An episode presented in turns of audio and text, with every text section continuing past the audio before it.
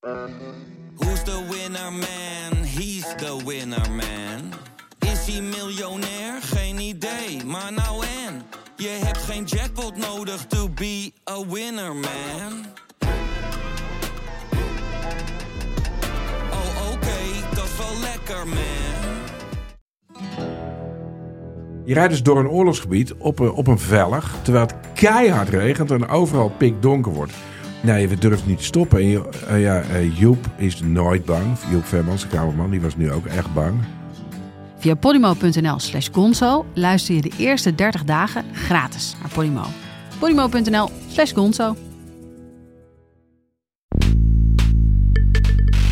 Als je dus veel geld wil verdienen, dan moet je in Nederland niet naar de politiek gaan.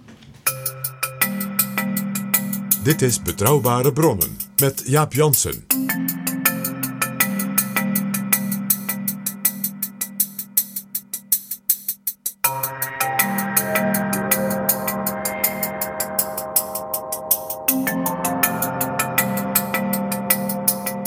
Hallo, welkom in Betrouwbare Bronnen, aflevering 73. En welkom ook PG. Dag Jaap, Het was een roerige week. zeg dat. We zagen een staatssecretaris vertrekken, Menno Snel. Ja, Ehm, er is nog meer gedoe. Er was natuurlijk ook een groot debat met Ank Bijleveld. Het kabinet moest een meerderheid zien te vinden voor de stikstofmaatregelen in de Eerste Kamer, wat op het nippertje gelukt is. En zo zijn we het kerstreces ingegaan. ja het is eh, spannender uiteindelijk geworden, ook die laatste periode, zeg maar sinds Prinsjesdag, dan iedereen eigenlijk had gedacht. Want eigenlijk was het beeld een beetje, nou dat kabinet heeft eh, ja, de zaak goed op orde, er komen een heleboel akkoorden. eh, Ja, dit was het, lukt, het lukt ook goed in de Eerste Kamer. Dit was het beeld rond het zomerreces. Al die akkoorden waren gesloten. Eh, na terugkomst kon Prinsjesdag worden voorbereid. Het ging nog steeds eh, goed. Zeker vergelijken met omringende landen met de Nederlandse economie. Er Air France, aan de Air. France KLM was een onverwacht groot succes. Eh, nou, zo waren er een paar van dat soort dingen. Eh, zelfs ook belangwekkende voortgang in het onderzoek naar MH17. Wat natuurlijk een heel zwaar ding is voor de premier. Ja. In, zijn, in zijn bestaan als minister-president. En het gras op het Malieveld had uitbundig kunnen groeien. Ja, daar, daar, daar, daar hadden schaapjes kunnen, kunnen grazen en weiden. Ja. En toen ging het mis. En, toen ging er ineens van alles mis. En nu zijn we eind december 2019. Ja. En eh, ja, staatssecretaris Menno Snel eh, vertrok. En eh, een beetje ondeugend gezegd, weer iemand met wachtgeld. Ja, maar dat nemen we hem denk ik niet kwalijk. Eh, nee, eh, sterker Want daar nog, is het wachtgeld ook voor bedoeld, hè, voor deze casus. precies. Het wachtgeld, deze, de, de wijze waarop we dat in Nederland hebben georganiseerd, betekent dus dat een politicus nooit hoeft te vrezen dat als hij zegt, ik heb iets niet goed gedaan, of ik kom in een situatie, ik neem mijn verantwoordelijkheid, of ik heb een zodanig principieel verschil van mening met mijn collega's, dat ik opstap, dat je dan niet armlastig wordt. En dat betekent dus dat je in vrijheid je plicht kunt doen. En daarmee, dat is misschien gek als ik het zeg, is dit een enorme ondersteuning en versterking van het democratisch bestel. Ja, ja want je, je weet het nooit in de politiek. Je politieke leven is nooit zeker. Het staat nooit vast dat je volgende week ook nog minister, staatssecretaris of Kamerlid bent. Er is geen bestaan zo ongewis als die van de politicus. Dat is zo. Ik moest overigens toen snel opstapte heel even denken aan een seminar dat ik, nou, ik denk een jaar geleden ongeveer, voorzat met Menno Snel. Daar sprak ook SER-voorzitter Mariette Hamer. In haar speech maakte ze een klein, ja, als aardigheidje bedoelde opmerking, maar dat bleef een beetje hangen toen. Want ze zei, snel is goed, goed is beter. En eigenlijk is dat een beetje het motto van waarom het dus misging. Bijna voorspellende uitspraak toen van Mariette Hamer. Eng, eng profetisch bijna. Achteraf zeg je dat. Dan oef, snel is goed, goed is beter. Ja, en ik denk achteraf dat Snel de juiste man op de verkeerde plaats was. En daar bedoel ik dit mee. Snel is een hele goede eh, beleidsmaker. Hij kan doordenken waarom bijvoorbeeld een nieuwe belastingwet heel anders in elkaar moet zitten dan eh, de oude wet. Maar hij is geen goede uitvoerder in die zin. eh, hij kon blijkbaar toch ook die belastingdienst eh, als uitvoerder van al het oude beleid niet in de greep krijgen. En in het verleden, zeg maar jaren 70, rond die tijd, had je wel eens op ministeries eh, meerdere staatssecretarissen. En hier zou je bijvoorbeeld heel goed twee staatssecretarissen van Financiën kunnen hebben gehad. Eentje die een compleet nieuw belastingstelsel zou ontwerpen. Dat had Menno snel kunnen zijn. En eentje die de bestaande regels goed en op een faire en voor de burgers eh, redelijke manier en voor iedereen begrijpelijke manier eh, laat uitvoeren. Ja, Menno Snel, dat bleek overigens ook op dat seminar, eh, was buitengewoon gedegen in zijn verhaal, ook in zijn beantwoording. Maar, en ik bedoel dit volstrekt niet eh, eh, pejoratief. Het was natuurlijk toch een omhooggevallen ambtenaar.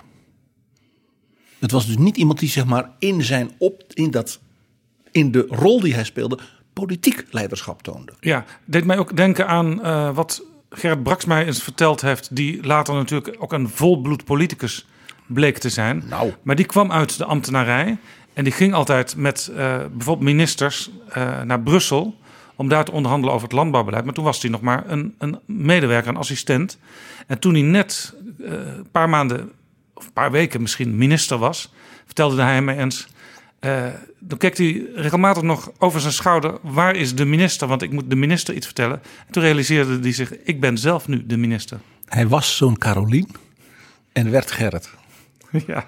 Ja, ik, heb, ik heb hele bijzondere ook persoonlijke herinneringen aan Gerrit Braks. Eh, Dus, dus, dus ik vind het leuk dat je hem ook noemt. En het had dus, het misschien had men ook snel zich daartoe wel kunnen ontwikkelen, maar niet in deze omstandigheden met deze belastingdienst en deze affaire. Daarbij kwam, ik sprak een week of wat geleden een, eh, een topper zeg maar, aan de binnenkant van dat ministerie.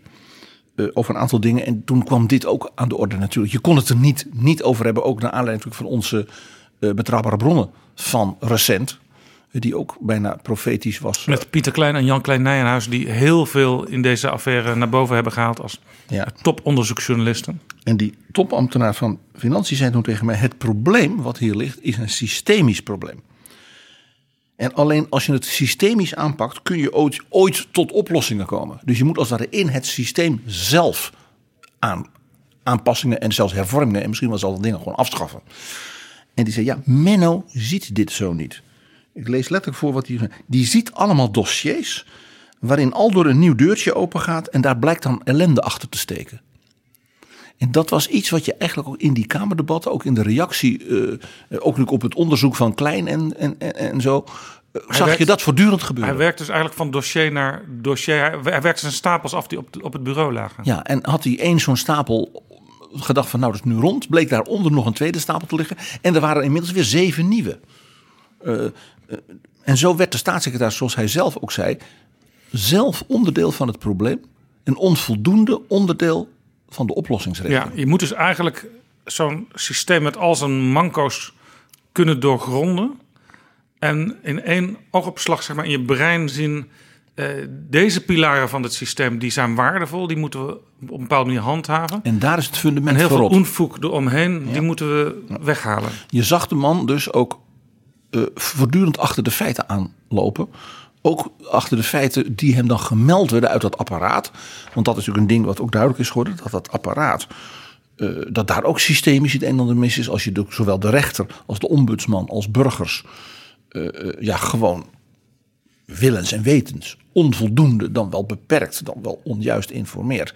En je weet dan dat de staatssecretaris, jouw bewindsman, daar uiteindelijk verantwoordelijk voor is. Dan is er dus iets heel erg mis in dat apparaat ook. Met als, als klap op de vuurpijl de volledig zwart ge, weggestreepte dossiers die in enorme dossiermappen aan de mensen, eh, bij, de, gedu- bij de mensen werden afgeleverd die slachtoffer waren. De gedupeerden kregen dus informatie. En door de wijze waarop die gepresenteerd werd, en ik zeg meteen erbij, vanuit staatsrechtelijk oogpunt, eh, van hoe de wet werkt, was dat ook best begrijpelijk. Want daar zat dus informatie bij over andere partijen. Je ziet ook weer hoe ingewikkeld men dat systeem had gemaakt. eh, die dus ook in die toeslagen eh, bezig waren. Onder andere bijvoorbeeld die kinderopvangbedrijven. Dat mochten die ouders dan niet lezen. Dus dan kreeg je dus 17 pagina's zwart gelakt. Dat ging over iemand anders. Voor eenvoudige burgers die al de wanhoop nabij zijn. Is zo'n document krijgen. Dat is natuurlijk een, een ja, zo'n gek van te worden. Ja, en een lid van het kabinet vertelde mij... eigenlijk had Menno Snel, maar ja, dat is natuurlijk praten achteraf... en zo ging het niet... had persoonlijk met die dossiers naar die burgers moeten toegaan... zodat hij ook kon uitleggen en ook wel de, de pijn zou kunnen voelen van hoe het overkomt. En dan ga je natuurlijk nooit met zwart gestreepte dossiers aanbellen bij zo iemand. Ik eh, kan me herinneren uit de periode dat het helemaal fout ging bij de studiefinanciering in Groningen. Dat eh, Wim Deetman, de minister toen, eh, een zeer ervaren zeg maar, bureauchefin uit de Tweede Kamer, die dus heel veel klachten van burgers zo kreeg, ook daarover, gewoon twee, drie maanden vrijgesteld heeft gekregen. En die heeft maar één ding gedaan. Die heeft dus in die organisatie dus signalen van burgers opgepakt, ook letterlijk mensen soms persoonlijk geholpen. Uh, bijvoorbeeld, dan moest je bewijzen dat je ouders wel of niet konden meebetalen aan je studiebeurs. En dan zat die vader wegens drie dubbele moord op ja, in de gevangenis in Oost-Turkije. Dat soort dingen heb je in een land als Nederland met zoveel miljoenen inwoners. Die jonge mensen hadden dus konden geen contact meer met hun ouders hebben. Moesten dan bewijzen, kregen ze niks. Daar had dus dat apparaat zich niet op ingesteld. Ja, en zo'n hardheidsclausule. Precies. En toen is dus die hardheidsclausule en de werkwijze daaromheen ook doorgevoerd. Zoiets had, denk ik, de staatssecretaris moeten ook kunnen doen. Ik geloof niet zo erg zelf in dat zo een bewindspersoon dan persoonlijk gaat aanbellen. Die moet gewoon zorgen dat dat systeem van onder tot boven wordt gereorganiseerd. Ja, en hij moet in ieder geval voorkomen dat pas op het moment dat het uh, euvel al geschied is, dat hij dan pas ziet uh, wat er aan de hand is en dat hij dan terecht overigens zegt, zo had het niet moeten gaan. Maar ja, het had zo niet moeten gaan. En achteraf moet toegeven dat hij het ook niet wist, omdat hij de volledige informatie niet had. Ja, ja. En, en nou ja, Dries van Acht zei het alles. Hè, als, uh, dat, het staatssecretariaat is een deerniswekkend ambt. En op financiën is dit nu de derde op rij.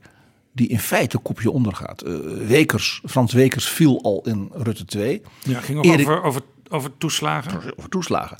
Uh, Erik Wiebes uh, was een beetje saved by the bell. Want ja, mm, over een half jaar waren de verkiezingen en nou ja, vooruit dan maar en zo. Uh, maar dat, dat, die, toen liep ineens die hele belastingdienst leeg door een regeling. Ja, Erik Wiebes die overigens nog, nog veel meer dan Menno Snel het imago had van een, een creatief brein dat wel allerlei dingen kan bedenken, maar blijkbaar ook niet goed in de uitvoering was. Nou ja, elk geval had wat heel creatief was, was die uitkoopregeling voor, uh, met, met vervroegd pensioen. Waar ongeveer iedereen deed dat, want dan ging je geloof ik meer verdienen na je pensioen dan je daarvoor als salaris ja, had. Met als resultaat dat zelfs de knapste koppen van de Belastingdienst ook voor een groot deel verdwenen. En nu proberen ze dus die mensen weer terug te krijgen. Ja, dat, je hoort een lichte ironie in mijn stem.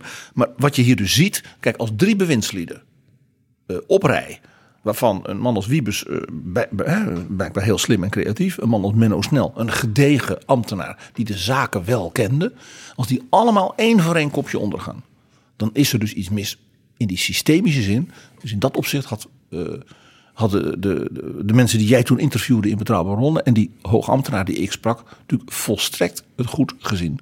En het is te hopen dat er dus nu iemand komt die op die manier er naar kijkt. Ja, dit was wat afgelopen week de afsluiting vormde van het uh, jaar 2019 in politiek-parlementaire zin. Waar gaan we het deze keer over hebben, ik, PG? Ik wou het eigenlijk over dat, het bittere vervolg hiervan. Weer een bewindsman die met wachtgeld gaat. En ook dat is een punt geweest dat dus dit jaar uh, in de parlementaire uh, historie met, met een serie uh, ja, gebeurtenissen en merkwaardige onthullingen en dergelijke toch weer de aandacht trok. Jaap Jansen en Pieter Gerrit Kroeger duiken in de politieke geschiedenis. We gaan het dus hebben niet alleen over wachtgeld, maar ook over bijverdiensten, bepaalde. Ik gebruikte de term emolumenten. Ja, dat, uh, dat, dat, veel politici hebben naast hun werk natuurlijk allerlei ook maatschappelijke rollen. Zeker ook Eerste Kamerleden uh, en dergelijke. Je weet dat bij, als een kabinet wordt samengesteld, de formateur, hè, dus de aankomend premier, met al die bewinds die ook moet, moet bespreken, heb jij bijvoorbeeld nog aandelenbezit, een bedrijf, een PR-bureau, heb je, uh, heb je lidmaatschappen van organisaties waar je zegt ja. Dat is moeilijk te verenigen met het ministerschap of het staatssecretariaat. dus zo iemand moet dan als het ware even zijn doopzeel lichten. En we hebben natuurlijk meerdere keren gezien dat ook in die situaties het van pijnlijk mis kan gaan met een ja, bewindspersoon. Want bewindslieden worden altijd meestal pas in, de, in een paar dagen tijd aangezocht. Uh, als, het, als ze verstandig zijn, hebben partijleiders natuurlijk in het jaar voor verkiezingen al contact met allerlei mensen. Maar ja, je weet toch nooit precies of iemand echt toehapt op het laatste moment. En dan moet je misschien nog een alternatieve kandidaat aanzoeken. Of je, hebt, je krijgt een post in de, de, de, de onderhandelingen toebedeeld. Waarvan je dacht, oh, ik wist eigenlijk niet dat wij die minister of staatssecretaris zouden gaan krijgen. Ik heb niet zo gauw iemand. En dat men dan als ware zegt, hebben we niet iemand? En als Ik denk dat dat met Menno snel gebeurd is. Ja, en als iemand uit, bijvoorbeeld uit het grote bedrijfsleven komt, of als iemand veel eh, vormen van eh, vermogensbezit heeft, dan kan het best ingewikkeld zijn om dat in een paar dagen tijd allemaal eh, goed op orde te krijgen. Het een van de meest merkwaardige dingen van het Nederlandse politieke bestel is dat wij hele lange kabinetsformaties hebben over heel veel details en cijferwerk en het Centraal Planbureau en de Algemene Rekenkamer. Daar zul je mij zelden nog nooit iets onaardigs over horen zeggen. Ik heb het maar liever gedegen. Maar dan komen de poppetjes, hè, zoals dat heet, en dan moet het in een vloek en een zucht. Kijk nou hoe goed ze dat in Europa doen. Met de Europese Commissie. Gewoon al die mensen worden gescreend. Ook op wat ze daarvoor hebben gedaan, politiek en maatschappelijk. Op hun opvattingen, op hun kwaliteit, op hun ervaring. En nou ja, we hebben het gezien. Nu meerdere keren achtereen, dus het is nu goed gebruik in Europa geworden. Dat er dan kandidaat-commissarissen sneuvelen. Eigenlijk zou je in een kabinetsformatie, we zagen bij de afgelopen formatie die de langst durende aller tijden werd, dat ergens halverwege, het was op midden in de zomer ook, het was bloedheet, werd er even twee weken vakantie ingelast. En eigenlijk zou je dus aan het eind van de formatie, als inhoudelijk het regeerakkoord al klaar is, zou je gewoon even twee weken moeten uittrekken voor het aanzoeken van bewindslieden en tegelijkertijd in die periode ook ze screenen. Ik vind bijvoorbeeld eh, eh, wat eh, volgens mij Juncker als eerste deed. En nu mevrouw von der Leyen opnieuw. De voorzitter van de Europese Commissie. Ja, zodra die dus benoemd is en aanvaard, eh, dan komen dus die commissarissen. En wat doet hij dan? Die schrijft die commissarissen een brief. Dat is de missiebrief. Nou, met een korte samenvatting van dit is voor de komende vijf jaar toch de grote lijn voor Europa. Zoals ik die zie en zoals de Europese Raad. En, de- en uw terrein, dus de eurocommissaris voor visserij. Daar gaan toch de volgende dingen echt heel belangrijk worden. Ja, het is een mooie- En ik reken daarbij op u dat u daarbij dit en dit bijvoorbeeld doet. Eh, hier ligt een groot probleem bijvoorbeeld met bepaalde lidstaten. Of met het Europese parlement is men nu halverwege bijvoorbeeld een belangrijke nieuwe hervorming. U moet daar de leiding bij nemen. Dus die missiebrieven die zijn heel inhoudelijk. En zijn eigenlijk een soort mini-regeerakkoord voor dat desbetreffende terrein. En is dus altijd nooit een optelsommetje van dossiers. Het is overzichtelijk, het is een brief van een kantje of vijf. Ja. En daar kun je later ook zo'n eurocommissaris op afrekenen van... heeft u de afgelopen vijf jaar inderdaad langs deze lijnen uw beleid vormgegeven? En de, de, de, de voorzitter, de president, schrijft dus ook bij dit onderwerp. Reken ik erop dat u met die en die collega in de commissie. onder toezicht van bijvoorbeeld mevrouw Versteger als vicepresident. of met eh, Timmermans of met mijzelf als president. dat u dat gezamenlijk en meer coherent aanpakt. En dan kun je dus ook aan de hand van die mission letter eh, extra bekijken... waar gevoelige domeinen zijn. Bijvoorbeeld die raken aan het verleden van zo'n nieuwe commissaris. Die, eh, stel, commissaris gaat zich bezighouden eh, met de digitale markt in Europa. En hij heeft eh, tot voor kort bij Facebook gewerkt. Ja, dat is met- meteen al wel ingewikkeld. We hebben een Spaanse eurocommissaris gehad. die zou milieu doen. En bleek toen niet al te duidelijk te hebben verteld. Dat hij, ze hebben zo'n raad van toezicht. van een heel groot en vrij omstreden. namelijk vervuilend energiebedrijf te zitten. Dat werd wel even een dingetje. En, en, en terecht. Eh, eh, nou, dus, dus Het kan overigens ook andersom hoor. Want eh, ik weet van, van vroeger had je staatssecretaris van Financiën Willem Vermeend. Die had voordat hij staatssecretaris werd, hij ging zich dus met belastingen bezighouden, adviseerde hij ook mensen persoonlijk over belastingaangifte. En hij wist ook precies hoe de Antillenroute in elkaar zat. En als staatssecretaris heeft hij eraan bijgedragen dat daar een aantal gaten gedicht werden in die route. ik ben zeker geen tegenstander van experts. Dat weet je. Maar openheid daar dus over. En ik vind dus dat eh, Nederland kan wat betreft de professionaliteit en de openheid op dat punt echt veel leren van Europa. Nou, eh, even terug weer naar die emolumenten. Dus wachtgelden, inkomsten, neveninkomsten en wat al niet. Eh, ja, wat dit parlementaire jaar had natuurlijk ook wel een, aantal bijna poëtisch, epische voorbeelden daarvan. Wie kan de donatie aan de poesenboot nou vergeten van Theo Ja, Hiddema? dat was omdat de in Amsterdam residerende Theo Hiddema in het Kamerregister als eh, wonende te Maastricht eh, genoteerd stond. Wat meteen echt eh, vele duizenden euro's extra aan, aan eh, kosten op. Aan, aan, aan, aan extra, hoe noem je het? Ja, kosten voor de Kamer en inkomsten, en inkomsten, Ja. inkomsten voor hem. Ja, ja. En dat had hij dan eh, zogenaamd niet allemaal eh, op gelet en zo. Dus is het geld, want hij kon het ook weer niet terugstorten, aan de Poezenboot gedoneerd. In Amsterdam, niet in Maastricht. Maastricht. Dus Maastricht heeft eigenlijk dubbel last van. Exact. En kijk, een, een briljant jurist als Hiddema, die, ja, die, die kan dat soort regelstukken ook niet lezen. Dat is begrijpelijk. Misschien is er in Maastricht ook al een Poezenboot, maar dat wist Theo dan weer niet, omdat hij daar niet, niet zo vaak komt. Dat is het misschien. Nou, de vraag is dus hierachter, eh bij alle ironie, waarom gaat dit nou zo vaak mis? Want dat is toch wel zo. En zo onnodig mis. Want dat is wat mij ook vaak fascineert. Ik denk van, hoe kan dit? Mag eh, even Klaas Dijkhoff die zegt, ja, ik kijk niet op mijn loonstrookje. Daar gaat het natuurlijk helemaal niet om. Nou, waarom gaat dat mis? Ik heb daar eh, twee ja, zeg maar, verklaringspatronen voor. De eerste is, de politici in Nederland zijn MKB'ers. Kleine, allemaal kleine middenstanders eigenlijk. kleine middelen. Het is allemaal pieterpeuterig. Ze hebben nauwelijks personeel, weinig professionele staf. Maar ze moeten voortdurend hun eigen toko draaiende houden met heel veel moeite, alle ballen in de lucht. Ze zijn een soort ZCP'ers eh, van de macht. En het is bijna letterlijk zijn het middenstanders, want in een, als je een eigen winkeltje hebt met, met bijvoorbeeld partner en de kinderen die komen naar school ook nog meehelpen, dan zit je soms de administratie te doen in een kamertje achter en dan word je even naar de winkel geroepen, want het is zo druk plotseling. En dan die hele administratie ben je eh, een paar uur later alweer vergeten. Of je hebt een neef die zegt, ik doe dat wel. Dat, eh, dit, Ja, die handige neef. letterlijk gebeurt dit ook, dat weet jij ook in de Nederlandse politiek. Dat iemand nog een, een, een slimme eh, assistent heeft, een neef. Een neef. En dat, is, dat kan gewoon niet meer.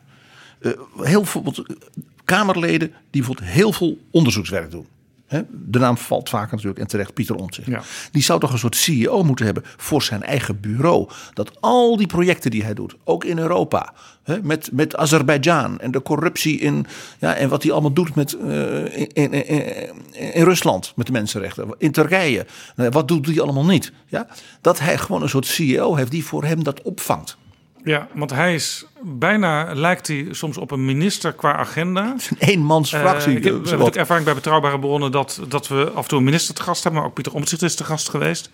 En nou, zo'n afspraak moet voortdurend worden uitgesteld, want dan is bij wijze van spreken dinsdagochtend de afspraak, maar dan moet plotseling een, een buitenlandse gast worden verwelkomd, of er is plotseling een kamerdebat. En eh, bij Pieter Omtzigt is dat net zo, want hij is met, met meerdere dingen tegelijk bezig. Hij zit natuurlijk in de Nederlandse Kamer, waar hij bijvoorbeeld eh, eh, Menno Snel van repliek moest dienen vanuit de Kamer. Hij zit in de Raad van Europa, waar hij de strijd aanbindt met corruptie in die Raad van Europa zelf. En, hij heeft een en rapport mensenrechten geschreven, rapport geschreven over Malta, wat nu ook leidt tot het aftreden van een aantal politieke sleutelfiguren daar.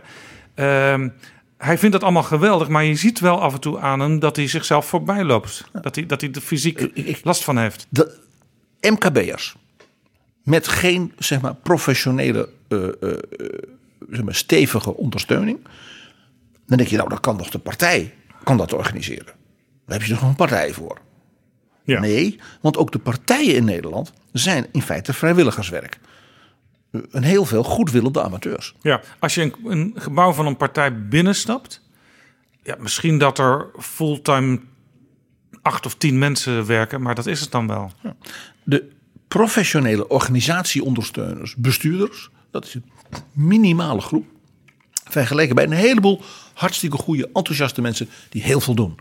Maar ook dat heeft dus weer die sfeer van wat ik maar noem het midden- en kleinbedrijf.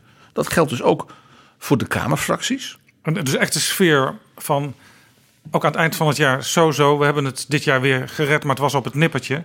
En laten we maar hopen dat eh, vol- volgend jaar de opbrengst ongeveer vergelijkbaar is. Liever beter, want dan hebben we een beetje rek in ons bedrijf. Ja.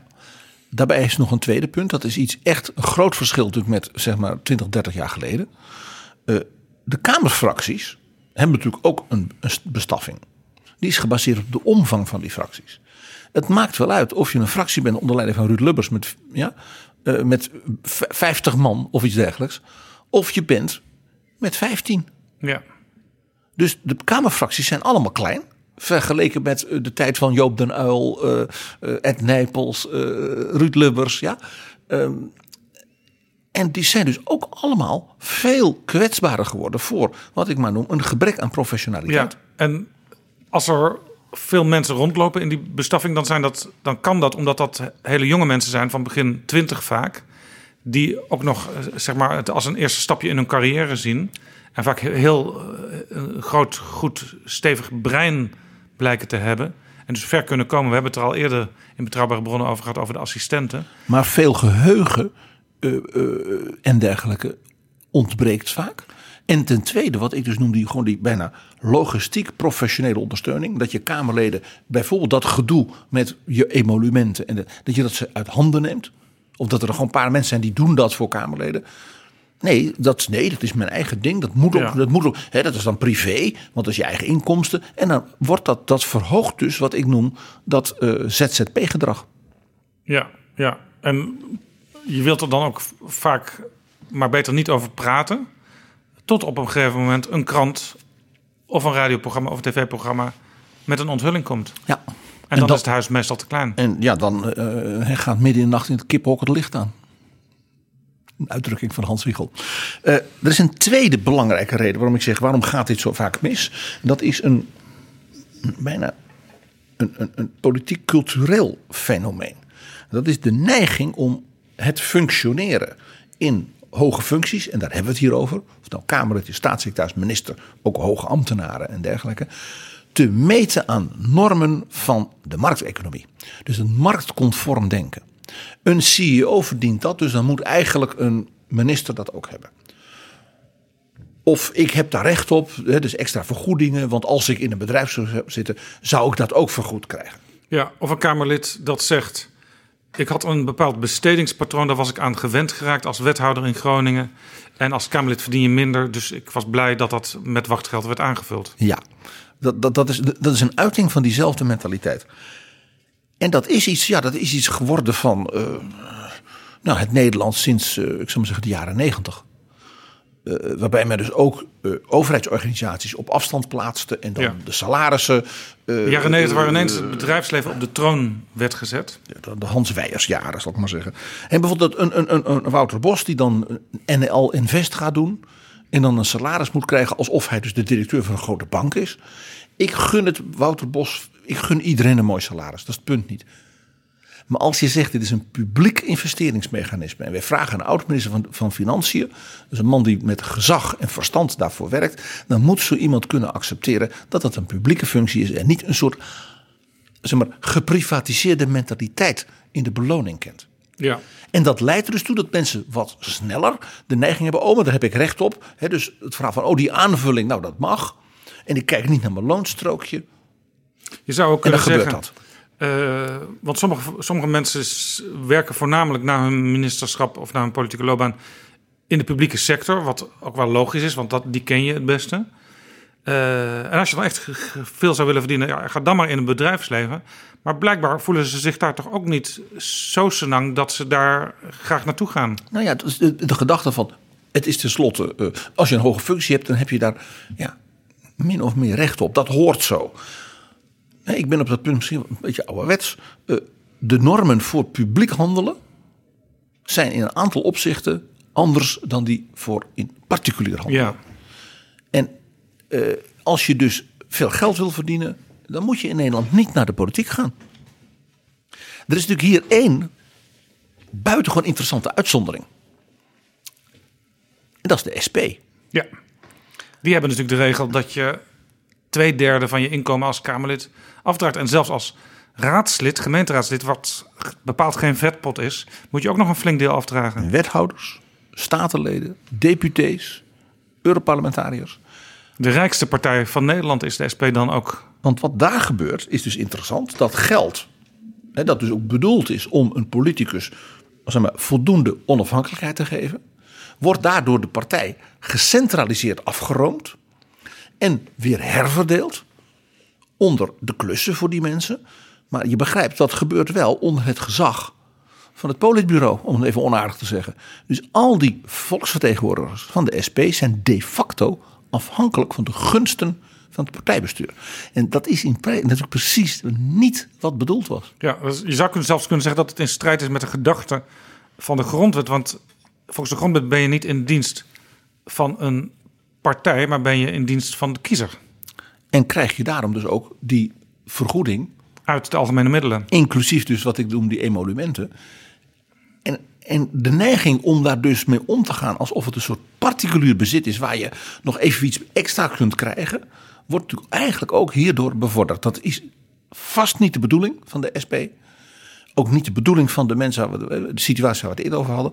Maar op dit punt moeten we in Nederland een beetje kritisch naar onszelf kijken. Als ik nou kijk naar wanneer dit soort dingen voorkomen. We hebben natuurlijk de, van de poezenboot tot en met wat al niet. Eh, ik zie vier, ja hoe zal ik het zeggen, typen gedoe in de geschiedenis. Waar je denkt van, oh, dat is zo'n situatie. denk je, oh, dat is herkenbaar, dat past bij dat type gedoe. En misschien is het wel aardig om met wat historische voorbeelden en de actualiteit die vier eens even langs te lopen. Ja. Eh, de eerste is niet goed opgelet. Slordig. Oh, dat had ik een beetje slordig. Zoals Dijkhoff, je, je verwees er al naar eh, toen het ging om zijn reiskostenvergoeding. Zei, ik kijk nooit naar mijn loonstrookje. Ja, dat is toch een beetje een rare uitspraak voor iemand die het volk wil vertegenwoordigen. Eh, Ja, en er was ook nog zoiets van: hij was staatssecretaris en minister geweest, heel kort, ja, als invaller. En dat werd dan als het ware een soort aanvullende uitkering, want hij was nu maar fractievoorzitter. Ja. Iemand die voor, hetzelfde, eh, voor dezelfde vraag kwam te staan was Lilian Ploemen van de Partij van de Arbeid, minister geweest, nu Kamerlid. Had ook die aanvulling kunnen krijgen, daar had ze gewoon wettelijk recht op. Maar zij zegt: Ik heb al een baan, dus waarom zou ik daar aanspraak op maken? Ik eh, heb zelf een keer in de jaren tachtig een gesprek gevoerd met eh, zeg maar de chef van de voorlichtingsdienst van het Witte Huis. Die was in de zeventig, was een vriend van Ron en Nancy Reagan. Kwam uit, was een immigrant uit Libanon. Was multi, multi, multimiljonair geworden in de Hollywoodwereld. En die liet zich een salaris betalen van 1 dollar. Want hij was ambtenaar. Maar die zei, ik doe het voor de president, ik doe het voor het land dat zo goed voor mij geweest is. Dus dat salaris, dat hoef ik verder niet te hebben. Dus die kreeg, want hij moest natuurlijk betaald worden als ambtenaar, 1 dollar per jaar. Ik weet er nog een die ook een hoge functie kreeg. In dit geval bij de Verenigde Naties. Liet zich ook met 1 dollar uitbetalen. Zijn naam Ruud Lubbers. Als voorzitter van de vluchtelingen. Ja, de. UNHCR. Ja, ja. Dus het kan wel. Eh, wat je ook wel ziet, in, in dit voorbeeld dus van, van, van eh, Van Dijkhoff en ook nog een aantal anderen, is dat dus doordat de verschillende bestuurslagen verschillende functies kennen, je als het ware aanvullende uitkeringen krijgt op basis van die vorige bestuurslaag. Misschien toch een onderwerp om daar eens kritisch naar te kijken. Ja, en het, wat ook komisch is overigens, is dat het ministerschap en het premierschap daar nog net een treedje boven eh, worden in die kolom het beste betaald, in die politieke kolom. En ook wethouders van grote steden. Terwijl grondwettelijk is natuurlijk uiteindelijk eh, de volksvertegenwoordiging, de Kamer, de baas. Dat is ook een rare verhouding eigenlijk. Ja. Dat is ook weer dat idee dat een minister toch een soort CEO is. Die dan het meeste moet verdienen. Wat je hier nou bijvoorbeeld zag met de poezenboot. Hè, dat is natuurlijk een aspect van we willen in Nederland regionale spreiding. Een Kamerlid moet dicht bij het volk zijn. Het moet een man of een vrouw dicht bij ons vandaan.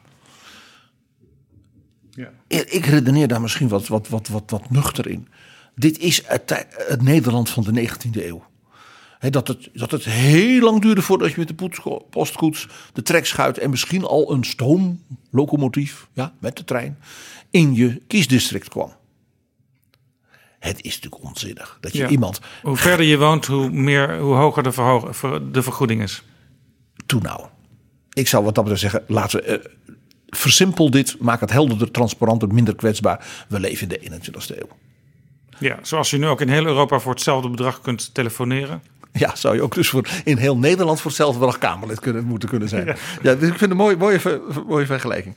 Dan is er natuurlijk de, de, de, hè, de bewust-onbewuste slordigheid. Dat je denkt van, oh ja, nee, je bent een topadvocaat in Am- Amsterdam. Daar heb je je kantoor, daar heb je je mensen. En dan heb je helemaal geen idee dat dat met Maastricht zo gaat. Tuurlijk. En we hebben nu een voorbeeld bij GroenLinks.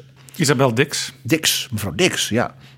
Ja, die, die, je- je- je- aan alle kanten ruik je dat haar partij er echt mee zit. En aan de andere kant, als je, dat, als je haar hoort zeggen, denk je, ja, het heeft ook een soort, ja, soort nuchter, soort, ja, zulke dingen gebeuren dat je je huis niet kwijtraakt. En dan zit je dus in vergoeding. Ja, dat is dan in Leeuwarden, dus dan krijg je dus Ja. in Leeuwarden Den Haag vergoed. Laat het even uitleggen. Isabel Dix was wethouder in Leeuwarden. Daar woonde ze ook. Ze werkt nu natuurlijk in de Tweede Kamer. Dus daar is ze grotendeels in de week. Ze wil ook de woning in eh, Leeuwarden verkopen. Maar dat lukt niet al te makkelijk. En dus staat ze nog steeds als wonen, terwijl ze daar meestal niet is, als wonende in Leeuwarden ingeschreven. En krijgt ze daar een hogere vergoeding voor. Ja, dat zijn dus voorbeelden van, van ik zeg, ik vind dus zelf dat een volstrekt achterhaalde manier van, van, van denken en financieren en ook detaillering, waarvan ik zeg, hoe minder detaillering bij dit soort dingen, hoe helderder. Ja.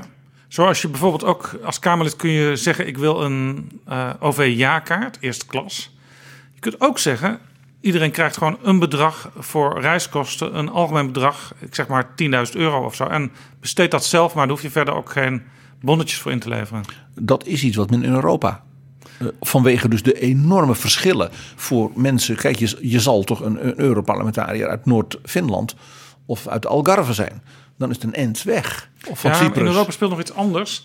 Eh, daar heb je dat het ene Kamerlid, zeg maar, het, het Italiaanse Kamerlid verdient veel en het Malteser Kamerlid verdient weinig.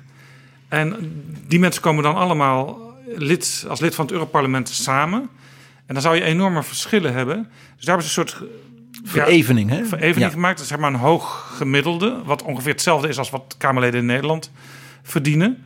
Maar voor die onkosten hebben ze inderdaad enorme vergoedingen die algemeen zijn. En daar zou je juist wel weer kunnen pleiten voor bonnetjes. Want dan kun je daadwerkelijk zien of het waard is wat ze daarvoor hebben gedaan.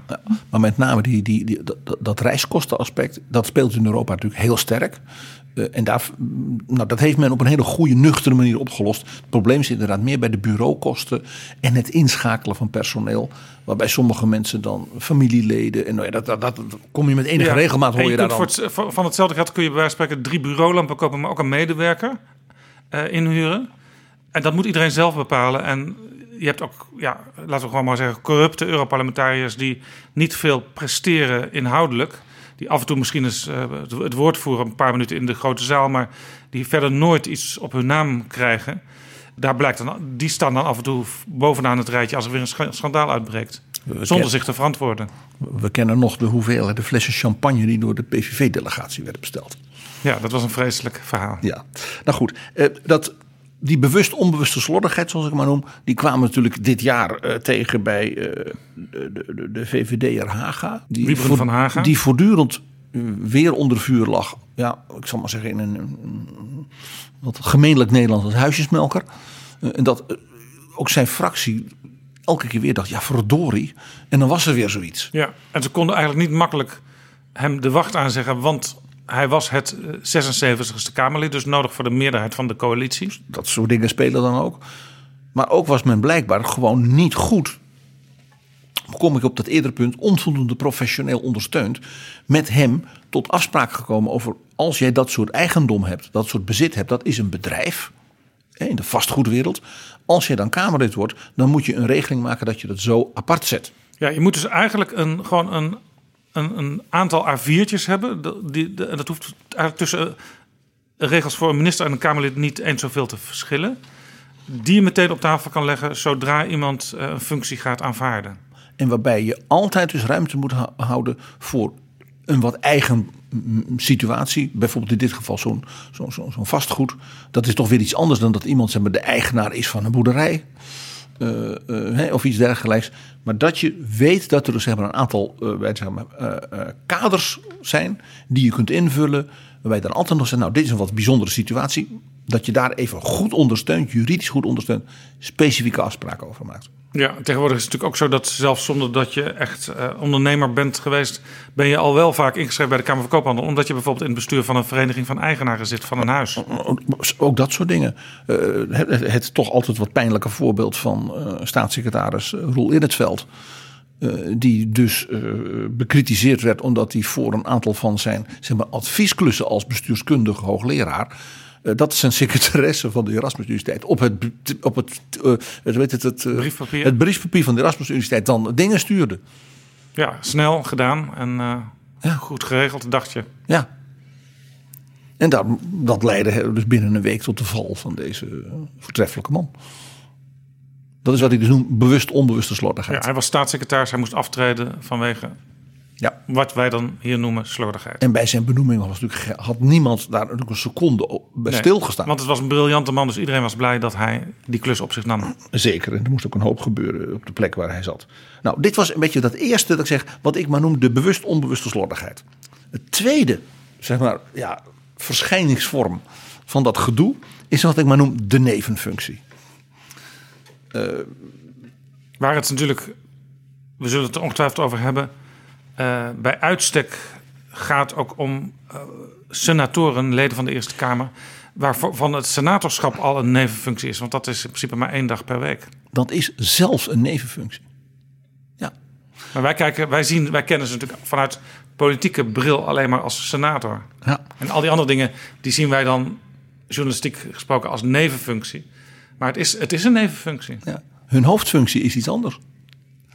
Ook maatschappelijk. En voor de partijen, en overigens ook vind ik persoonlijk voor de democratie, is het juist een bewust punt dat je zegt: wij gaan in die Eerste Kamerfractie proberen wat mensen bij elkaar te brengen op bijvoorbeeld belangrijke terreinen van politiek bestuur, financiën, wetgeving, die er gewoon echt veel verstand van hebben. Juist ook om met een aanvullende blik op de van dag tot dag politici in, uit de Tweede Kamer nog een, een extra oordeel te kunnen vellen over bijvoorbeeld een wetsontwerp. En dat vanuit de praktijk, maar voor- vooral ook vanuit de top van de praktijk. Ja, en dus ook met een algemeen bestuurlijke blik naar dingen kijken. Want het heeft niet eens zo hoeft zoveel te maken te hebben met dat jij bijvoorbeeld in de verzekeringswereld eh, werkzaam bent, maar gewoon hoe je vanuit zo'n organisatie naar bepaalde ontwikkelingen kijkt. Dat klopt. Eh, een man, Jan Anthony Bruin, nu voorzitter van de Eerste Kamer, is anesthesioloog aan het Leids Universitair Medisch Centrum. Doet dus belangwekkend wetenschappelijk onderzoek. Heeft ook heel veel heel ingewikkelde, heel, ik zou maar zeggen, enge operaties. eh, waarbij mensen, eh, nou ja, op leven en dood en zo. Maar zit dus ook in een heel grote en complexe medische en wetenschappelijke organisatie. Waar dus en patiëntenzorg speelt. En ja, absoluut leidend onderzoek eh, in, dat, in dat vakgebied. En daar hebben ze ook nog een science park omheen. Waar ook het MBO in zit. En allerlei ZZP'ers en start-ups. Nieuwste ontwikkelingen in de medische technologie. En dat vormt weer als het ware een soort ecosysteem van ja, zeg maar, 21ste eeuwse kenniseconomie. Dat betekent dat zo iemand met vanuit heel verschillende ervaringen en rollen in zo'n Eerste Kamer buitengewoon op allerlei terreinen hele goede inhoudelijke inbreng kan, kan hebben. Dit is gewoon maar één voorbeeld. Ja, dus ook om even te vast te stellen, PG. In principe is er niks mis met eh, een divers samengestelde Eerste Kamer die vanuit allerlei maatschappelijke hoeken wordt gevoed. Ik zou persoonlijk eh, nog wat meer bijvoorbeeld oud bewindslieden in de Eerste Kamer willen. Ik mag een kleine lans breken in dit geval voor Elko Brinkman.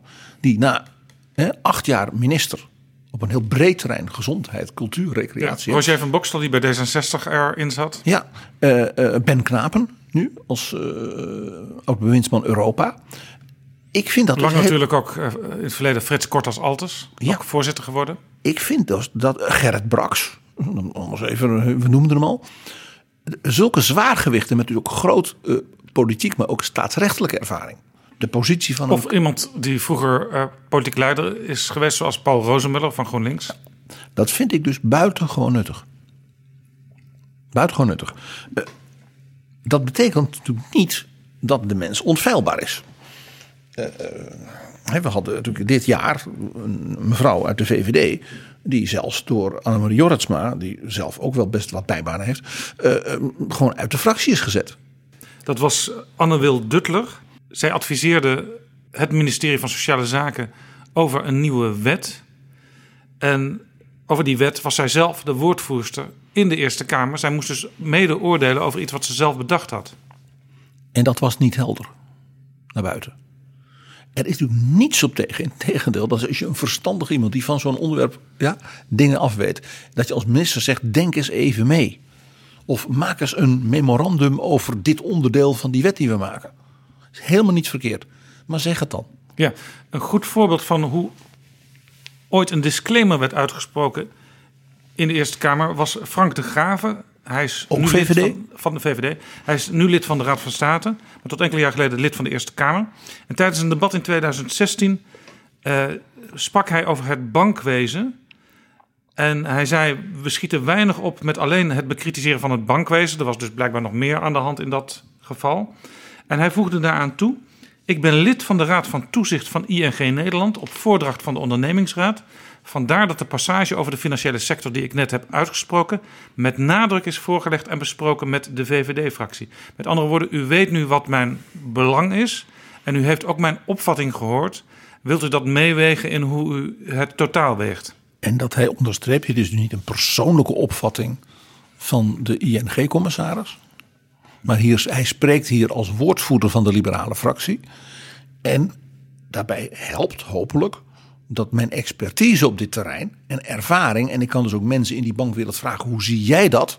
Ja, behulpzaam kan zijn voor betere wetgeving. Ja, en nou zijn natuurlijk ook eh, actuele gevallen. Bijvoorbeeld, eh, Tom-Jan Meus schreef daar onlangs over in NRC Handelsblad. Paul Rozenmuller, eh, die voorzitter is van de VO-raad. voortgezet onderwijsraad. Ja, de koepel dus van de middelbare scholen.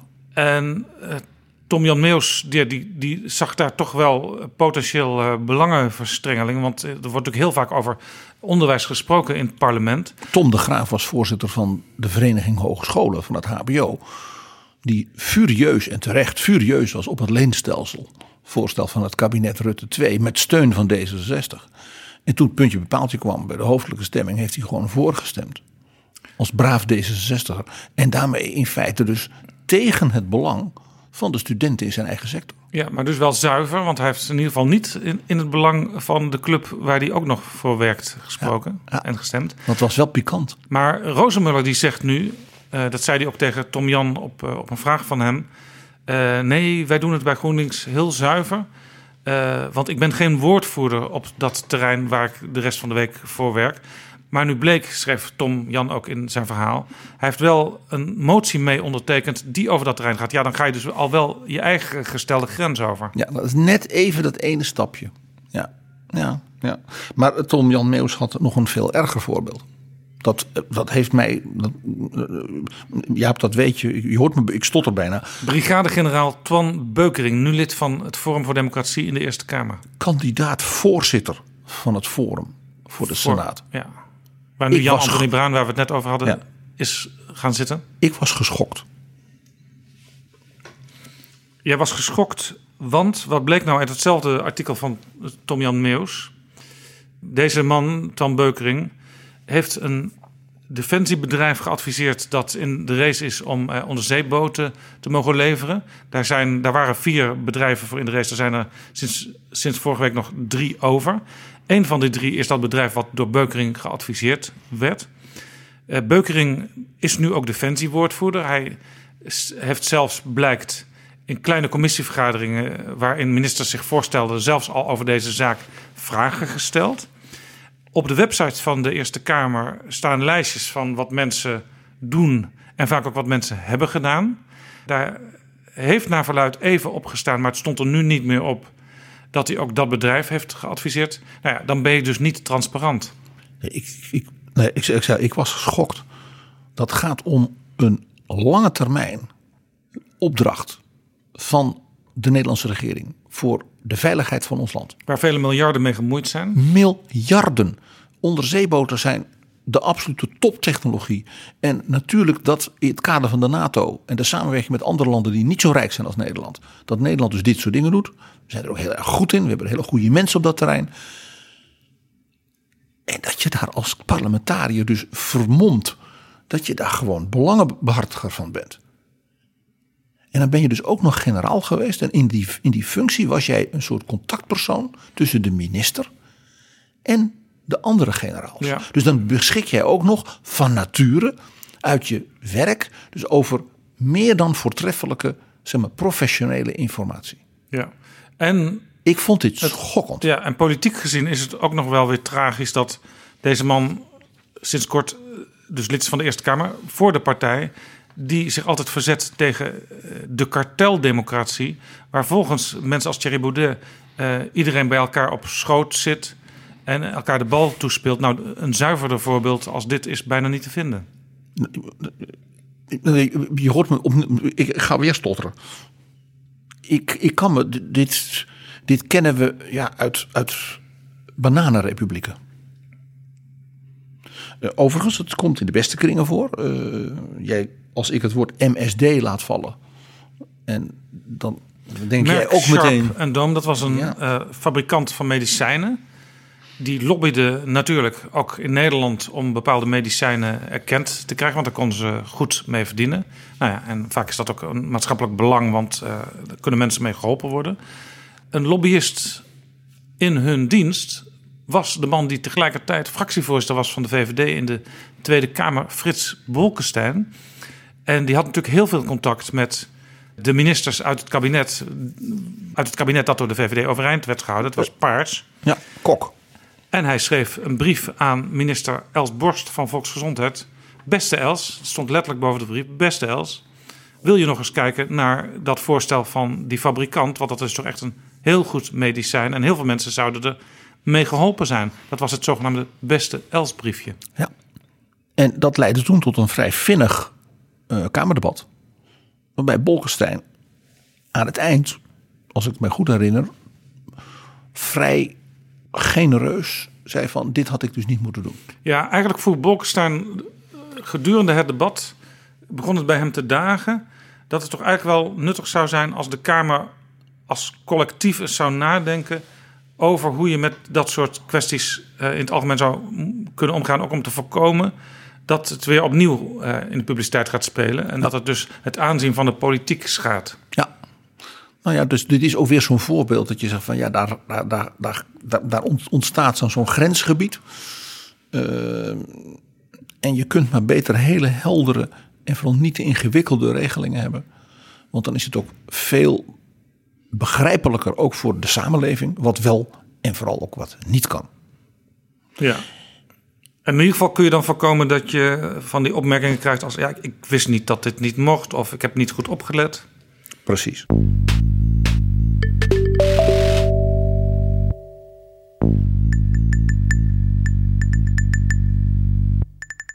Dit is Betrouwbare Bronnen, een podcast met betrouwbare bronnen. De, de, derde, de derde vorm gedoe.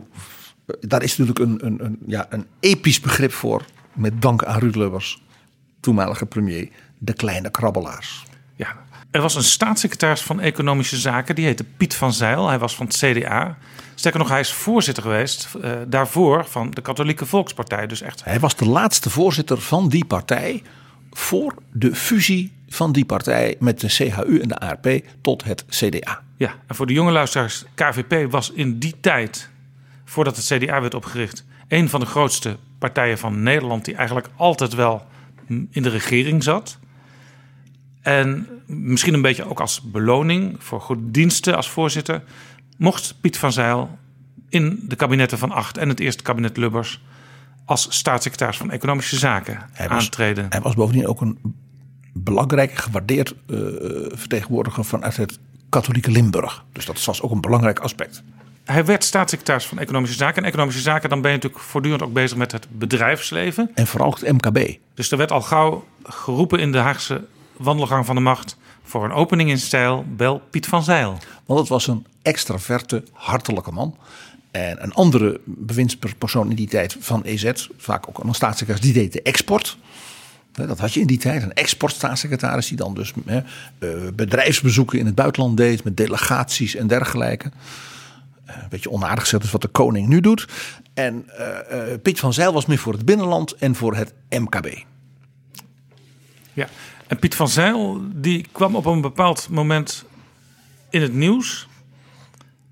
Eigenlijk om twee redenen die, die niet door de beugel konden. De eerste was, hij bleek op een bepaald moment voor 50.000 gulden aan vliegtickets te hebben ontvangen van KLM en de Surinaamse luchtvaartmaatschappij.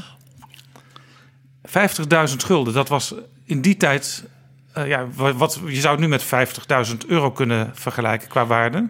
een van zijn zeg maar, wat nevenfuncties in het politiek bedrijf. Hij had inderdaad hele bijzondere banden, ook vanuit de katholieke wereld, met eh, Latijns-Amerika en vooral ook met Suriname. Ja. Dat was een beetje een van zijn specialismen. Dus hij kende daar iedereen, deed ook hele goede dingen voor die mensen daar. Wat maar de ja, prijzen is. Wat de prijs is, maar je begrijpt dan gebeuren. Dus hè, dit is weer zo'n voorbeeld van, nou ja, de kleine krabbelaar. En hij was ook nog eh, voorzitter van een woningbouwvereniging. En die woningbouwvereniging die wilde hem bedanken. En dat gebeurde ook door hem te helpen bij de renovatie van zijn huis. Onder andere werd een eh, wijnkelder getimmerd. Er werd een bankje gemaakt en nog wat andere dingen. En dit eh, specifieke geval verleidde inderdaad de toenmalige premier Ruud Lubbers ertoe... om Piet op een bepaald moment eh, weg te zetten als kleine krabbelaar. Eigenlijk met nog een soort van eh, lieflijke kleur ook in die woorden kleine krabbelaar. De Rotterdamse miljonair ondernemer glimlachte om dat je een wijnkeldertje laat boetseren ja, in, de, in de, kr- de kruipruimte van je huis in Heerlen. Want daar ging het om. Ach, ach, ach. Ja. En het komische is, ik kwam nog een, een uitspraak van Piet van Zijl tegen uit 1979. Dat was, was dus eigenlijk nog voordat al die zaken bekend waren. Eh, waarin hij eh, sprak, dat was in het eh, weekblad De Tijd, over ja, de katholieke moraal en hoe hij die zag. Hij zei: We kennen in de katholieke moraaltheologie de penale wet. Die houdt in dat je je geweten niet hoeft te belasten als je een verkeersovertreding begaat. Alleen, zegt de moraaltheologie, indien je wordt gesnapt, moet je de boete zonder meer betalen. Het is, het is klassiek. Mag, mag ik ja, één klein verhaaltje over Piet van Zijl vertellen? Graag. Ik heb een verrukkelijke herinnering aan hem. En dat was echt heel erg stout wat ik had gedaan. Het was in de kabinetsformatie in 1981. Hij was toen vicevoorzitter van de CDA-fractie. En was iemand die eh, zeg maar, veel toezicht hield vanuit dat bestuur, ook op het personeelsbeleid. Ja. Ik zeggen, het was een warme man. eh, dus eh, als er wat was met iemand die verdriet had en dat soort dingen. En ik En was dat herinnerde hij herinnerde zich waarschijnlijk ook nog van je partner is ziek, hoe gaat het nu met hem? Absoluut. En, eh, ik was dus toen een jong medewerker van die CDA-fractie. En in die formatie eh, dreigde Dries van Achter zich terug te trekken als premier en partijleider. Want hij moest met Den Uil en zo. En dat ging helemaal niet. En toen werd het partijbureau overspoeld met bloemstukken, telegrammen, aanhankelijkheidsbetuigingen en dergelijke. Ja. Was er overigens een, eh, historisch gezien was het een hele goede oplossing geweest toen als zowel Dries van Acht als Joop den Uyl zich hadden teruggetrokken. En Dries was daartoe bereid. Alleen er kwamen zoveel dankbetuigingen dat het CDA zich steeds harder, dat het CDA steeds harder de hakken in het zand zette. En van onze Dries blijven ze af. Precies. En wat gebeurt er? Er was een collega-journalist van jou, van zeg maar, de regionale bladen. En die was binnen het CDA bepaald niet geliefd. En ja, maar die krant werd natuurlijk wel natuurlijk in die regio gelezen. Dus dat was altijd wat spanningsvolle verhouding. En toen heb ik bij een borrel heb ik dus verteld dat op het partijbureau dus een groot bloemstuk in wit-gele eh, rozen was bezorgd. Dat zijn de kleuren, de pauselijke kleuren. Ja. Van de zusters Clarisse in Ubach over Worms. Met daarop, houd moed, wij bidden voor u. En die man heeft dus dat. Die dacht, wat een geweldige scoop krijg ik van deze jonge jongen. En die heeft dus de, in Ubach over Worms de plaatselijke correspondent door dat hele dorp laten fietsen. Om dat klooster van die zusters Clarisse te vinden. Bestond dit? Ik had als scholier in Haarlem bij de zusters Clarisse in Nieuwe Niedorp, dat is dus in Noord-Holland, eh, hadden we dan van die retraiters en dat soort dingen. En dat was ongelooflijk inspirerend. En zo kwam ik daarop. En die man heeft zich toen beklaagd bij het fractiebestuur van het CDA dat hij dus voor gek had gestaan in heel journalistiek Den Haag. En dat, dat hij dat had opgeschreven. En eh, dus toen werd Piet van Zijl werd op PG Kroeger afgestuurd om hem bestraft toe te spreken dat ik dit nooit meer mocht doen. En terwijl hij begon, te- terwijl hij begon te stellen, deed hij zijn bril af. De tranen biggelden hem over de wangen. Toen zei hij, de zusters Clarisse in Ubach van Worms. Ik wist helemaal niet dat zo'n hervormde jongen als jij wist dat dat bestond. Maar PG, jij leest ook Gerard Reven, dus eh, ook daar kan de inspiratie vandaan komen. Het was natuurlijk volstrekt revistisch. Ik geef het onmiddellijk toe. Nooit meer doen, hè PG? Nooit meer doen. Je begrijpt dus dat ik bij Piet van Zijl... Dat, ik heb dus, laat ik zeggen, een, een faible voor de man. We, we hebben meer van dat soort kleine krabbelaars. Eh, Mag ik Art van der Steur nog even... Oh, Art van der Steur, onze minister van Justitie. Korte tijd. Ja, hele korte tijd. Die, die liet toch, wat was er, zijn tuin onderhouden door de studenten van Ja. Minerva Hij woonde in een kasteel in Warmond. Oh ja, Niet het hele kasteel, maar een appartement in dat kasteel. En, Maar het klinkt dan toch alsof je kasteel en ik weet bent. van mensen die daarbij waren dat eh, hij hield wel eens eh, van die soirées. En dan werd de hele hal van het kasteel er ook nog bij betrokken. Dan leek het net of dat ook eh, dat hele kasteel van hem was. Eigenlijk was het dus maar, waren het dus een aantal kamers in als appartement. Een lied van schijn en wezen, zou Gerard er even zeggen. Maar hij was ook natuurlijk eh, oud eh, Minerva-lid. ik weet niet of hij prezes is geweest, maar in ieder geval lid. Wopke Hoekstra is prezes geweest. Baas boven baas. En eh, daar werd, wordt natuurlijk elk jaar ontgroend. En wat had Art nou bedacht? Die studenten die kunnen de tuin van ons kasteel mooi opknappen. Want ja, dat is tegenwoordig niet meer te betalen als je daar professionals voor inhuurt. Dus dat gebeurde. En eh, op een gegeven moment werd dat eh, ontdekt dat hij dat ook eh, later nog wel deed. En toen ontkende hij dat. Toen zei hij: Ik ben ermee opgehouden toen ik docent was op de universiteit. Want ik vond dat geen gepaste onderlinge relatie met de studenten. Toch moest Van Steur later toegeven dat het ook daarna nog wel doorging. Maar zei hij: Dat was gewoon gezellig. Precies. De ultieme kleine krabbelaar. Hè? In het weekend leggen wij wel even een wijnkeldertje bij jou aan. Want je bent toch zo'n aardige man. Dat. Eh, we hebben natuurlijk in de gesprekken met Pieter Omtzigt eh, een tijd geleden, misschien zelfs precies een jaar geleden, over, over hoe het bewind van. De laatste aflevering van het eh, vorige jaar, 2018, dat is Betrouwbare Bronnen 18. dat hij toch wel zeer kleurrijke verhalen kon vertellen. Hoe het bewind van de familie Aliyev, die een soort eigenaar zijn van de macht in Azerbeidzjan. Wat ook een enorme oliestaat is eh, aan de Kaspische Zee. eh, hoe die dus eh, de gunsten en, en, en positieve pers kocht voor zichzelf in de Raad van Europa. Om te voorkomen dat ze dus voor hun vaak schandelijke mensenrechtenbeleid al te hard werden aangepakt. En daar werden dus opdrachten eh, gegeven voor het bureau van zo'n lid. Eh, mensen, hun, hun boek werd dan vertaald in alle mogelijke talen in de Caucasus. En dan kreeg je dus inkomsten door. Het had iets, ja, dat had een hoog kleine krabbelaargehalte. Vooral als je beseft dat dat bewind, eh, dat weten we ook hè, uit de verhalen van de warme band tussen dat bewind en de familie Trump. eh, laat zeggen, niet te beroerd is voor het grotere werk. Ja, dat verhaal is toen mooi, mooi verteld. Het komt ook in Nederland voor, want eh, onlangs werd eh, duidelijk dat eh, oud bewindspersoon en oud senator René van der Linden van het CDA, dat die ook kluste voor het bewind in Baku. Die organiseerde dan een soort be- bedrijfsbezoeken, zodat dan het Nederlands bedrijf, vooral het Limburgse bedrijf, zo enorm zou profiteren van de warme band met Baku. En nou, erg veel leverde het niet op. Nee, en er zijn ook mooie plaatjes te vinden via het wereldwijde web. Waarin je eh, René van der Linden ook jaarlijks op audiëntie ziet eh, bij de baas van het land. Een van die grote stoelen met een bloemstuk ertussen. En een onderscheiding krijgen. En het enige wat jaarlijks wisselt is de kleur van het pak van, eh, van beide. Maar verder zijn de foto's precies identiek. En het gaat dus al jaren op die manier. Ja. En dat is toch opmerkelijk. Het bewind in Baku. En het sterker nog, daar, hij zit er al lang niet meer in in de Eerste Kamer. Maar nog steeds wordt hij daar ook aangekondigd als eh, former eh, chairman of the Dutch Senate. Ja, en als belangrijk eh, Europees politicus, omdat hij ook een soort erefunctie lang heeft gehouden in de EVP, zeg maar de Christendemocratische koepel. En ja, daar kun je dus een verdienmodel van maken. Ja, en, en in dat soort landen denken ze dan ook dat je bijna dagelijks bij de minister-president van Nederland naar binnen loopt. Omdat het daar zo gaat. Hè?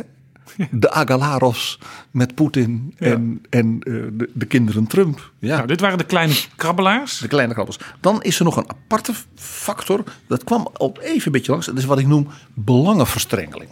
Dat het niet zozeer gaat om een, een, een, weet je wel, een, een, een bedragje hier of een dingetje daar. Of zo'n wijnkeldertje. Maar dat je van ja, de functies die mensen hebben.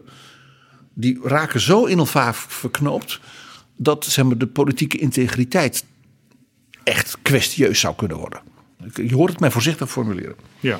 En ja, daar zijn natuurlijk wel voorbeelden van. eh, eh, eh, VVD, oud-minister, senator en ja, commissaris van alles. Loek Hermans heeft natuurlijk vaak toch wel vragen opgeroepen. ja, daar was ook een, soort algemeen idee. Die man heeft iets van 30 bijbaantjes, baantjes. Kun je überhaupt zoveel functies wel goed vervullen? en Want daar zaten ook toezichthoudersfuncties bij op organisaties waar best wel wat aan de hand was. Nou ja, eh, als je eh, Jet Bussemaker over de rode wil krijgen, dan moet je het woord Mea Vita laten vallen. Zij was staatssecretaris Volksgezondheid en Loek Hermans was daar de voorzitter van. En dat, die zaak, dat was een soort ziekenfonds eh, voor de Haagse regio. En die ging niet een beetje failliet. En Jet Bussemaker moest de zaak financieel met honderden miljoenen redden. Nou ja, dan hebben we het COA, eh, de, asielzoekers, de coördinatie van de opvang van asielzoekers, ging ook helemaal mis. Dus ja, dat, daar zie je dus van, daar, daar zijn de grenzen van wat kan wel bereikt. Ja. Ik heb zelf eh, heel onlangs ook zeer actueel, want dat betreft de boerenprotesten, de, de situatie gehad dat eh, senator eh, Joop Atsma van het CDA enorm tekeer ging op het partijcongres van het CDA over hoe schandelijk de boeren werden behandeld in een toekomstnota van het CDA waar een zinnetje hem niet beviel. Ja, er was op die bijeenkomst een soort, soort groepje waar ook eh, Annie Schreier-Pierik, de fameuze Europarlementariër, eh, deel van uitmaakte. Ja, de, de koningin van Salland. En die, die stonden eigenlijk ook een beetje vanuit een hoek te roepen van... het kan toch allemaal niet wat die boeren nu wordt aangedaan? Schande, schande, schande. Eh, binnen het CDA werd daar echt, eh, ja, echt zeer, zeer, eh, ja, ook wel verontrust op gereageerd. Want de heer Atsma is ook voorzitter van de branchevereniging voor, voor, voor ja, kalfsvlees. Ja, de brancheorganisatie Vleeskalveren. Ja, jij en ik wisten niet dat ze bestond. Zij waren ook heel blij toen hij weer in de Eerste Kamer herkozen werd.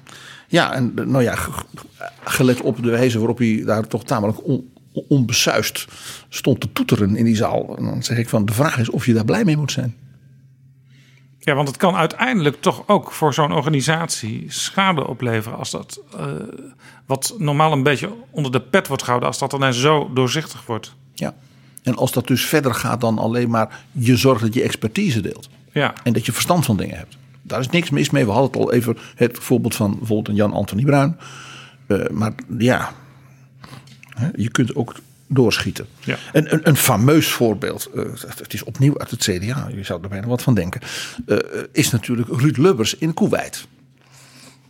Ja. Ik neem aan dat jij je dat ook nog herinnert. Ja, dat weet ik nog wel, want dat kwam ook, dat kwam ook wel af en toe terug. Dan, dan leek het weer eh, verdwenen te zijn als thema, maar dan lekte er weer iets uit. En, en Lubbers, Lubbers, dat was een van de punten waar hij. Dan, daar was hij wel een beetje gevoelig. Als je, hem, als je hem een beetje wilde irriteren, dan moest je dat wat voorzichtig aanstippen. Ja, je had in de jaren tachtig had je eh Fijke Salverde en Lex Runderkamp. Die werkte voor Vrij Nederland en ook voor de VPRO-televisie. Die zagen zichzelf een beetje als een soort Nederlandse Woodward en Bernstein. En die op, luizen in de pels van Den Haag. hadden op een gegeven moment uitgevogeld dat Ruud Lubbers, premier, met de regering in Kuwait had gesproken over een achterstallige betaling van 50 miljoen gulden over een door Hollandia Close, het bedrijf van de familie Lubbers, gebouwde vliegtuighangar in Kuwait. En eh, ja, Lubbers deed dat natuurlijk zo- zo'n beetje zo tussen neus en lippen door, kun je je eh, voorstellen. Toch op bezoek daar. Hè? Maar hij zei zelf in eerste eh, reactie... het werd vanuit Kuwait, die werd het aangedragen. Ja, en toen kon ik natuurlijk niet anders dan daar even iets op zeggen. Ehm, maar zo was het toch niet helemaal. Want vijf jaar later, kun je nagaan... vijf jaar na die eerste onthulling... doken een aantal brieven op, vijf brieven... van Lubbers aan zijn Koeweitse collega, waarin hij deze zaak van zijn familiebedrijf dus bepleitte. Want die betaling was in die jaren nog altijd niet geregeld vanuit Koeweit. En ja, uiteindelijk kwam Lubbers toch met de schrik vrij. En dat was eigenlijk te danken aan eh, Onno Ruding, de minister van Financiën, die dat debat ook het woord voerde vanuit eh, het kabinet. Hij zei. Het was allemaal niet fraai, het was allemaal niet mooi. Maar het was ook, weer niet zo dat Hollandia en de staat in kolonnen in de woestijn waren opgetrokken. En met de belofte zich voortaan afzijdig te houden, eh, mocht Lubbers blijven. Ja, want het was natuurlijk ook voor zeg maar, die grote scheepsbouw en andere logistieke bouwbedrijven in en rond de Rotterdamse haven. Was natuurlijk Hollandia Close een heel belangrijk bedrijf daar. En het ging in die tijd heel slecht. Met natuurlijk ook de Nederlandse scheepswerf en dergelijke. Dus Lubbers had natuurlijk in het belang van het Nederlands bedrijfsleven, ik maar zeggen, eh, waarschijnlijk hier en daar een kleine opmerking gemaakt en zo'n brief gestuurd. Niet verstandig natuurlijk. En ook wel weer, hè, ik heb het al vaak gezegd, de typische de Rotterdamse ondernemer Lubbers. Die daar ook eigenlijk waarschijnlijk zelf helemaal niet zo'n probleem in zag. Nee. En het was overigens wel zo dat Lubbers het bij zijn aantreden eh, goed geregeld had. Want het bedrijf was, zoals dat dan genoemd wordt, op afstand gezet. Er komt dan een soort raad van bestuur eh, bij. Dat bestaat uit onafhankelijke mensen. Dat waren in dit geval zelfs mensen uit, ik dacht, drie politieke partijen. Dus Lubbers kon zich ook niet meer met de dagelijkse gang van zaken bemoeien. Maar ja, hij kon natuurlijk wel een goed woordje doen als hij in gesprek was met zijn collega in Kuwait. Ja, daarbij speelde dat, eh, dat bedrijf, eh, had Lubbers met zijn twee broers, Rob en Ronald geloof ik. R3 heette het En dat daarom heet daarom R3 Ruud, was Rob. Ja. Ronald. was Richard. een- Richard, ja. Het, nog. Eh, daarbij kwam nog, eh, Jaap, dat eh, doordat de vader van Ruud Lubbers eigenlijk heel plotseling stierf. De, toen drie heel jonge zoons, die waren echt twintigers. Ruud, Rob en Richard. Die hebben toen dat met z'n drietjes overgenomen. Om te voorkomen dat die, dat bedrijf ja, nou ja, verkocht zou moeten worden en in, in zou storten. Want de grote baas die dat had opgebouwd, dat was dus plotseling dood. Ja. En eh, toen hebben ze de, de 3R-constructie voor het beheer zeg maar, van dat vermogen en die bedrijven ontwikkeld. En die 3R-constructie die ging gewoon door. Maar zeg maar, het deel van Ruud Lubbers werd als het ware apart gezet eh, toen hij eh, minister werd. En daarna fractieleider en minister-president. Een aparte manier van doen. Ja, en vaak zit dan in zo'n zo'n bestuur wat dan dat deel beheert, zit vaak ook een, was- vaak een jurist die als onkreukbaar beschouwd wordt. Precies, dat is ook heel verstandig. Wat je ook ziet is in kabinetsformaties, hè, dit, dit punt van die belangenverstrengeling. Dat je denkt van, tja, jongen, jongen, jongen, jongen, eh, pas nou op. Eh, eh, dat dat in kabinetsformaties vaak aan de orde is. Dat de premier dan ook, eh, of de, eh, de, de formateur, aankomend premier tegen de aankomend minister of staatssecretaris zegt van, nou ja, doe, zet dat bijvoorbeeld op die manier apart. Hè. Daar zijn dus voorbeelden van, zoals dat van Lubbers en zo. En, maar ja, soms moet de minister-president of de formateur dan toch een uitzondering maken voor hele bijzondere situaties. En ik, wat ik zelf altijd erg leuk vond, eh, Balkenende heeft een keer als formateur een minister gehad van de Partij voor de Arbeid, Ronald Plasterk, en een minister van het CDA, Ernst Heersballin, die alle twee smeekten dat ze één functie mochten houden. Ze waren als wetenschappers, en dat was een uitzonderlijke eer, natuurlijk gekozen tot lid van de Koninklijke Academie van Wetenschappen. En eigenlijk moesten ze die functie opgeven. Maar dat is geen bestuursfunctie. Het is vooral een erefunctie. Maar ja, je praat natuurlijk wel met je collega's in dat vakgebied. In de top van de wetenschap in de wereld. En Balkenende, die natuurlijk zelf hoogleraar was geweest aan de VU. Heeft zijn hand over het hart gestreken. En gezegd dat ze die, die, die functie of die rol als lid van de academie niet hoefden op te geven. En Johan Remkes heeft toen gezegd. En ik moest het voorzitterschap van de Jenever genootschap opgeven. En die vond dat dus niet eerlijk. En die kreeg daar uiteindelijk ook, Johan Remkes, de nu in Den Haag door velen gewaardeerde interim burgemeester, kreeg daar ook uitzonderingspositie voor toen hij daar zo op aandrong. Hij mocht voorzitter blijven van het Jenevergenootschap. Dat was dus de, een van de weinige nevenfuncties die een minister gegund werd. Dus Nederland is ook het enige land in de wereld waar de Academie der Wetenschappen op één lijn staat met het Jenevergenootschap. Overigens, er gebeurt nu wel wat. Annemarie Jorritsma die zei een jaar of wat geleden... toen er weer wat dingen in de Eerste Kamer aan de orde waren... ja, als je alles wil regelen... dan kunnen er straks alleen nog maar baby's... en mensen die nooit maatschappelijk actief zijn geweest... lid van de Senaat worden. Maar inmiddels hebben ze bij de Eerste Kamer een onafhankelijke vertrouwenspersoon aangesteld. Zij heet Carla Verwoerd. En daar kan iedereen eh, naartoe gaan vanuit de Eerste Kamer met vragen over integriteit. En in de Tweede Kamer eh, treedt begin januari Jacqueline Biesheuvel aan. Ook als onafhankelijke vertrouwenspersoon. Ja, dat, eh, Jacqueline Biesheuvel is heel lang griffier geweest van de Tweede Kamer. Dus als er iemand, zeg maar, dus die formele eh, kanten van waar moet je wel op letten en waar moet je voorzichtig zijn en waar kun je met een gerust hart doen, dan is zij dat wel. Dus dat, de, laat ik zeggen, de persoon Jacqueline Biesheuvel is denk ik een hele goede hiervoor. Ja.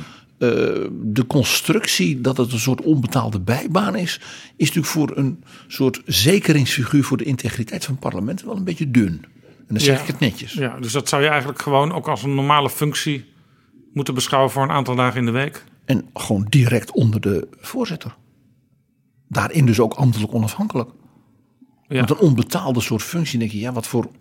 Wat is zeg maar de, ja, de stevigheid van de positie? Ja, en het, lastige is ook dan, misschien word je wel geholpen als Kamerlid. Dat, dat was een goed advies wat, eh, wat u mij heeft gegeven, mevrouw Biesheuvel, afgelopen jaar. Eh, hier is een, weet ik veel, een boekenbon of een, een fles wijn of zo. Ja, Krijg je dat weer? krijg je dat weer. Ja. Dat is wel interessant. Het is wel een punt voor Nederland. We hebben het geloof ik ook met Pieter Omtzigt al toen over gehad. Dat de Raad van Europa, die als een soort waakhond weer voor de democratie en de rechtsstaat voor heel Europa functioneert, naar het Nederlands parlement juist op dit punt behoorlijk kritisch is. Ja, die raad heeft ook een commissie die eigenlijk toeziet, die daar eh, ook regelmatig onderzoek naar doet op de integriteit in de lidstaten. En Nederland heeft er een aantal keren eh, er flink van langs gekregen. Eh, Vooral ook omdat het in Nederland gewoon niet afdoende geregeld is. Ja. En daar zijn de, de Eerste Kamer heeft, die kreeg toen echt heel behoorlijk op zijn vet. En daar is geloof ik die mevrouw Verwoerd ook als soort gevolg van. Van laten we dat nou wel serieus doen. Ja, en ik heb nu niet alle details eh, voorhanden, maar ik begrijp ook dat op dit moment eigenlijk het in de Eerste Kamer wat beter geregeld is dan in de Tweede Kamer. Dat is opmerkelijk. Hier zie je hoe Nederland, en dat, ik, ga, ik herhaal het nog een keer, dat heeft dus te maken met die, wat ik maar noem, MKB-cultuur. Het is allemaal niet professioneel genoeg. Terwijl je kunt gewoon een aantal landen aanwijzen waar ze het goed geregeld hebben. Neem dat gewoon over. Nou ja, we zagen al een aantal voorbeelden, nota bene het Europees Parlement.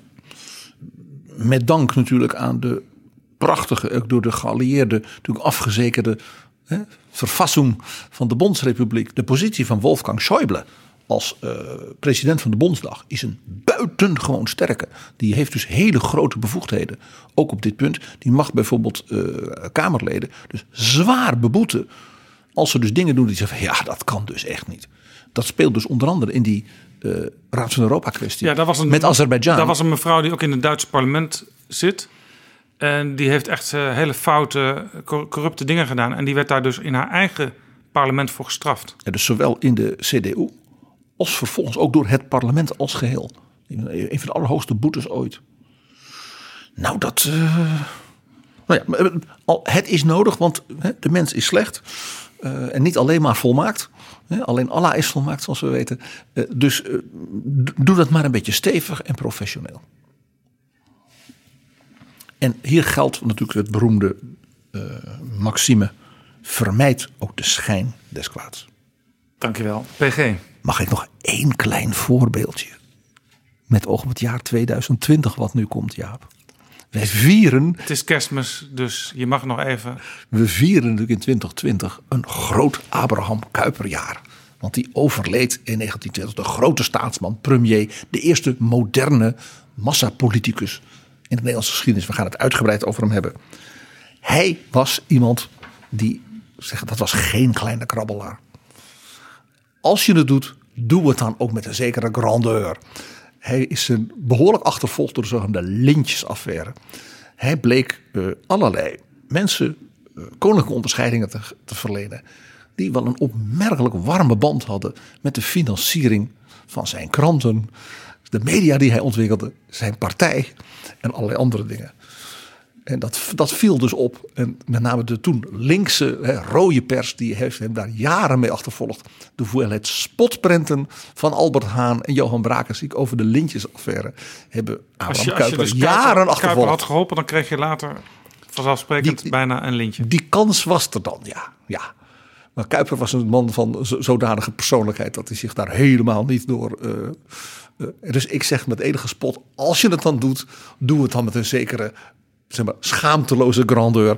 Ik zou maar zeggen, het type Gerhard Schreuder, hè, die als oud kanselier dan gewoon de, de, de, de bestuursvoorzitter van Gazprom wordt.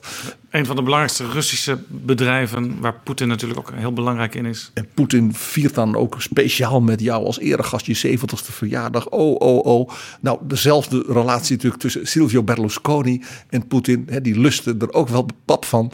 En natuurlijk het ultieme in deze tijd is natuurlijk Ivanka Trump. Met al haar eh, kleding en andere producten die overigens eh, vaak geproduceerd worden in China. Dat blijkt gewoon als je het eti- etiketje bekijkt in een winkel in Washington DC. Ja, en eh, dus heel erg profiteert van de spanningen tussen Amerika en China. Want de Chinezen denken, nou, als we nou die merken van Ivanka nog wat, wat extra protegeren, dan gaat haar vader misschien minder boos tweeten. Ach ja, schaamteloos. Je zegt het met een lach, maar ja, we weten beter, hè, PG. Precies. Dankjewel voor dit mooie, inzichtelijke verhaal.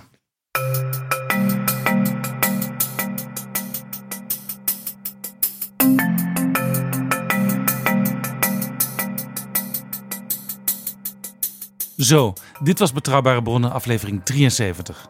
We zijn er weer de dag na kerstmis. Dus voor nu, Een!